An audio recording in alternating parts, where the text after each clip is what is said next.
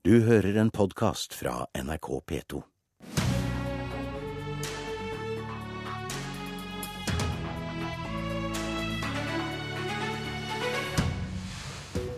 Er det nå så sikkert at eh, alt blir bedre bare det blir større? I dag presenterer regjeringa reformen for høyere utdanning. Lederen i Unio er fusjonsskeptisk.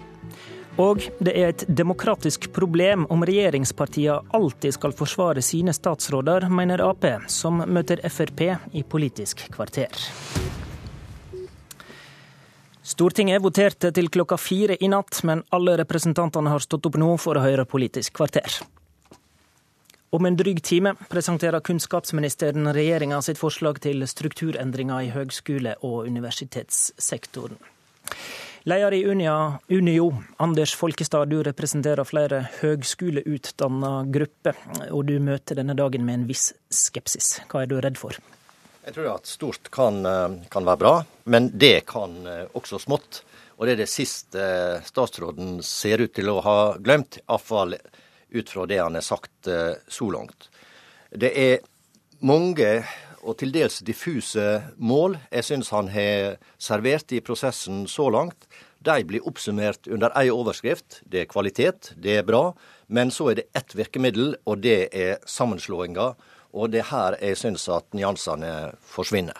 Hva mener du de små vil miste da, når de nå skal slå seg sammen med større utdanningsinstitusjoner? Ja, For det første så høres det ut som de ikke er gode nok bare fordi de er små. Det tror jeg er første feilsteget. Og så er det en stor fare for at eh, dersom dette bare ender opp i store eininger, så får vi i tillegg ei fjernstyring som gjør at de taper autonomi og faglig autonomi. Og er redd at det kan også svekke dialogen med lokalmiljøet, som ikke minst høgskolene eh, skal tjene, og som de har gjort det svært godt på. Kristin Vinje, du er Høyres representant i utdanningskomiteen på Stortinget, og får denne saka fra regjeringa nå snart. Detaljene i regjeringa sitt forslag har vi jo ikke sett ennå. Men det er jo ingen tvil om at reformen legger opp til fusjoner og større institusjoner. Hvorfor er det sånn at større blir bedre? Det er ikke automatisk sånn at større blir bedre, men vi har veldig mange evalueringer og rapporter som sier at vi har altfor mange små og sårbare institusjoner. Og det medfører at vi får for dårlig kvalitet. Det vet vi. Vi vet at vi har mange dårlige, eller miljøer som ikke holder mål kvalitetsmessig. Og hele poenget med denne strukturreformen det er jo nettopp å sørge for at vi får høyskoler og universiteter som holder en viss kvalitet, som skal gi studentene våre en god utdannelse. Det er jo hele poenget, og derfor så er det overmodent å gjøre noe med strukturen. Dette har ligget lenge og ventet, og det er ingen som har tatt tak i det. Nå gjør regjeringen et grep, og det tror jeg blir veldig bra. Men hvorfor løser fusjoner den problembeskrivelsen? Det er ikke bare fusjoner som kommer til å stå i den strukturmeldingen som kommer, det kan jeg røpe, og det tror jeg også Anders Folkestad forstår. Men det er sentralt? Fusjoner er sentralt, men det kommer til å være beskrivelse av mange ting som er med på å fremme kvaliteten, for det er det som er det underliggende. Og vi har altså fått ganske godt dokumentert faglige rapporter på at vi har for mange små og sårbare miljøer, og det er derfor vi prøver å gjøre noe med det. Men, men, men da kommer det an på hva, hvordan en definerer kvalitet. Hvis en snakker om værsleiende forskning, så er jeg ganske trygg på at en trenger store miljø i utgangspunktet, og, og at det er grunnlaget. Det vil vi vel ha? Ja, det, det, vil vi ha, men vi kan selvsagt ikke regne med å ha det på alle fagområder og i alle på alle områder der høgskolene skal utdanne yrkesutøvere. Og ikke minst så har jo høgskolene hatt en hovedrolle i det å utdanne sykepleiere, lærere og en rekke andre yrkesgrupper, ikke minst for sine regioner. Og det, det, er jo der nå faren ligger i at her taper en en verdi i iveren etter å lage store og stadig større institusjoner og fjernstyring. Jeg er ikke så sikker på at vi taper en verdi, fordi at uh, hvis du har lyttet til kunnskapsministeren, så har han også lagt vekt på at det skal være tilbud, utdanningstilbud regionalt, og det skal denne strukturmeldingen ta vare på. Og vi må også tenke på at det er mange av de profesjonsutdanningene vi har som også det er for mange av oss som heller ikke holder kvalitetsmessige mål. Og det er å kaste blår i øynene på studenter som kommer og studerer, hvis de tror de skal få en god kvalitativ utdannelse og vi ikke vet at vi har det. Og Derfor er det veldig viktig. Ikke alle miljøer kan være verdensledende, det er helt sikkert. Men også de store profesjonsutdanningene må vi sørge for holder en viss kvalitet og en lik kvalitet over hele landet. Og sånn er det ikke i dag. Vi er ikke imot fusjoner, ikke imot eh, store institusjoner, men vi er skeptiske til at det skal være et hovedvirkemiddel for å løse mangfoldige mål og utfordringer. Og så, så, lurer jeg litt på, Kristin Vinje, hva er det du mener når du sier at det er dokumentert at det er for små og dårlige miljø? Hva er det slags område du da snakker om, og hvordan skal dette utvikles i et nytt system? Det ja. håper jeg iallfall at meldinga svarer på. Absolutt. Jeg snakker om veldig mange fagevalueringer som har kommet over de siste årene. Bl.a. Stjernerapporten som kom i 2008. Den har ligget eh, på vent i veldig mange år, og den rød-grønne regjeringen har ikke tatt spesielt tak i det, enda de antageligvis er helt enige med at det er behov for en strukturendring. Og det finnes en drøss av fagevaluering som peker på det problemet, så vi vet akkurat hva som er problemet. Men det er ikke noe quick fix å løse dette. Men det å gjøre strukturendringer, det vil bedre, og så vil man definere hvordan eh, kvalitetskrav man skal stille. Og den meldingen kommer til å inneholde selvfølgelig mer enn det som går på visjoner. Det vet vi nesten allerede, for det har vært en prosess som Det er bra. og det er Men, men, men, men Folkestad, vent litt nå. Eh, som Vinje er inne på, så tyder jo signaler så langt på at de fleste studiestadene blir eh, verna. Hva gjør det da om institusjonene slår seg sammen eh, overordna i større faglige fellesskap? Nei, Der er vi jo inne på et av det som synes være et paradoks i hele prosessen. Statsråden har sagt at de aller fleste institusjonene skal leve videre og ha omtrent de samme oppgaver som i dag. Og da er eneste resultatet og endringa at en får fjernstyring. En lager altså konsernmodeller som minner litt om sykehusstyringa, som ikke nødvendigvis har vært helt vellykka.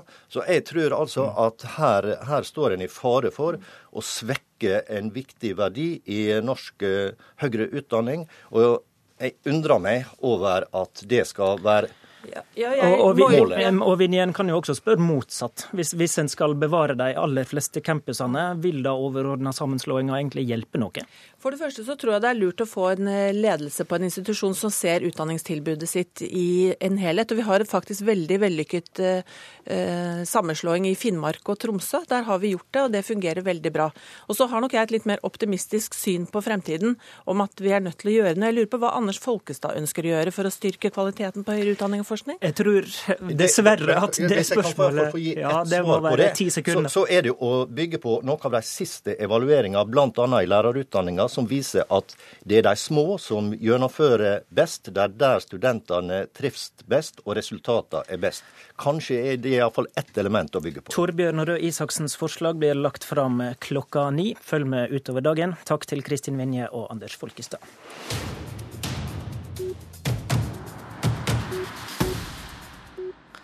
Ifølge Dagsavisen i dag skal justisminister Anders Anundsen ha forsøkt å forhandle seg bort fra mistillit og kritikk fra Venstre og KrF mot at de skulle få en ny gjennomgang av sakene til de utsendte asylbarna. Det er anonyme kilder bak Dagsavisens sak, og justisministeren sjøl vil ikke kommentere påstanden.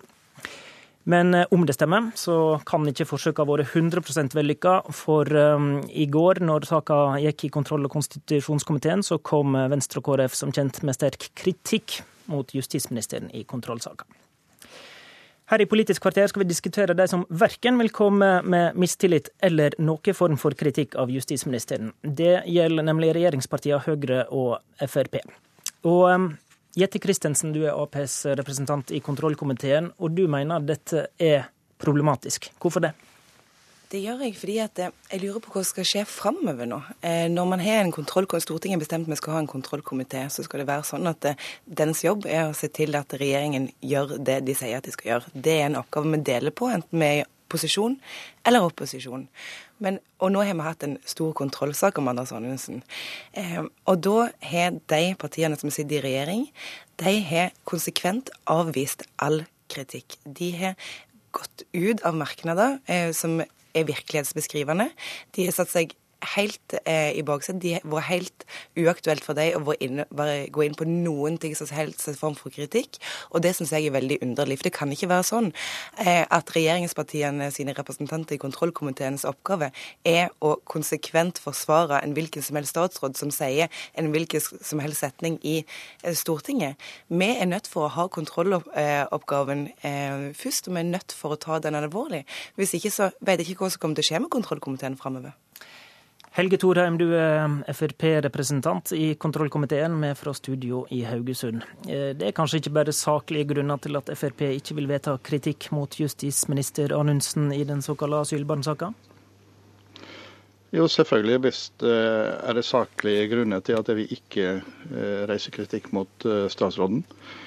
Det som er vår oppgave i kontrollkomiteen, det er å se til om Eh, regjeringen har gitt Stortinget alle de opplysninger som er nødvendige for behandling av saken den fremlegger. Og det mener vi at uh, regjeringen har gjort. Så statsråden man... har rent saklig sett eh, oppfylt opplysningsplikta? Ja, vi føler det. Og, og det står også i, i, Grunnloven at intet medlem av statsråden må fremlegge uriktige eller villedende opplysninger for Stortinget eller dets organ. Og når vi har hatt uh, da høring med, med, statsråden, så har det ikke fremkommet noe der som, uh, som vi har sett er uh, verken uriktige eller villedende opplysninger i forhold til hans plikt overfor Stortinget. Kristensen, har ikke du tiltro til FrPs saklige vurdering av dette, du da? Nei, men altså, Helge Thorheim. Eh, statsråden har feilinformert Stortinget to ganger. Han har beklaga bare én av de. Han har gjentatte ganger holdt tilbake informasjon. Det har vært problematisk å få svar fra kontroll- og konstitusjonskomiteen. Når vi har sendt eh, brev til han, så har det drøya. Eh, men, det men, det, men, dette mener du er et helt saklig faktum, og ikke en skjønnsvurdering? Det er akkurat det det er. Eh, og jeg syns det er problematisk at regjeringspartiene ikke engang har lyst til å gå inn på merknader som beskriver tall på utsendelser som er fått fra Justisdepartementet. Det syns jeg er underlig, fordi man er så redd for å fremme noe som helst kritikk av sin egen statsråd. Og Beklager. Og jeg må spørre deg, eh, Helge Thorheim. Dere skriver i merknadene eh, for det første at statsråden ga en meget presis fremstilling av saken. For eh, det er en veldig underlig setning. Og i tillegg så sier dere at flertallet i komiteen har en alvorlig misforståelse av opplysningspliktens omfang. Det har jeg veldig gjerne lyst til at du skal utdype. Altså, jeg kan ikke se annet enn at uh, det som vi har skrevet, det, det samsvarer med det som, som Iallfall vi har oppfatta det som, uh, som, statsråden har svart. Og uh, når du trekker frem at det har tatt tid for statsråden å svare komiteen, så må man jo også se mengden av brev vi har sendt til statsråden for besvarelse. Det er veldig mange punkter vi har uh, trukket fram fra komiteen. Og, jeg må jo si jeg har stor respekt for at uh, statsråden ønsker å, å, få en fyllestgjørende besvarelse av det, og så korrekt som mulig. Men, men, men tid er nå én ting i denne saka. Det er vel mer sentralt dette med om en har oppfylt opplysningsplikten. Kristensen argumenterer for at det er et faktum at Anundsen ikke har oppfylt den. Hvordan svarer du på det, da? Ja, jeg syns det er et faktum at han har oppfylt det. Eh, statsråden har svart på de spørsmålene han har fått, med den kunnskapen han på det tidspunktet hadde. Og Man kan ikke forvente at uh, statsråden heller skal forskuttere ting som er fremover som man ikke kjente til. Og det er faktisk uh, en forsinkelse i rapportering til departementet også i forhold til til det som da transporteres ut fra Politiets utlendingsenhet. Kristensen, med, med, all respekt for ditt prinsipielle synspunkt. De rød-grønne statsrådene levde vel ikke veldig farlig i kontrollkomiteen da Ap var i regjering? Hvis du ser på de merknadene og de behandlingen vi hadde i kontrollkomiteen da, så gikk vi inn i oppgaven og kritiserte det som kritiserer sko. Det har ikke skjedd nå.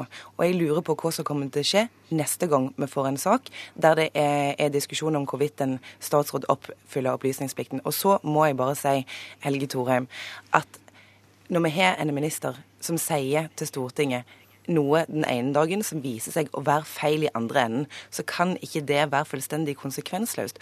Da må man nødt for eh, å gå inn i den saken og gi kritikk på de områdene som kritiseres skal. Jette Christensen fikk eh, siste ord i denne saka. Takk også til Helge Thorheim. Klokka var nærmere fire i natt da Stortinget endelig var ferdig med å vedta arbeidsmiljølov, flytevestpåbud, klimamål og mer til, og visepresident Ingjerd Schou endelig kunne heve møtet. Da er dagens eh, kart ferdigbehandlet. Og presidenten får lov til å ønske alle en riktig kort og god natt. Møtet er hevet. Det var Politisk kvarter eh, onsdag. I studio var eh, Håvard Grønli.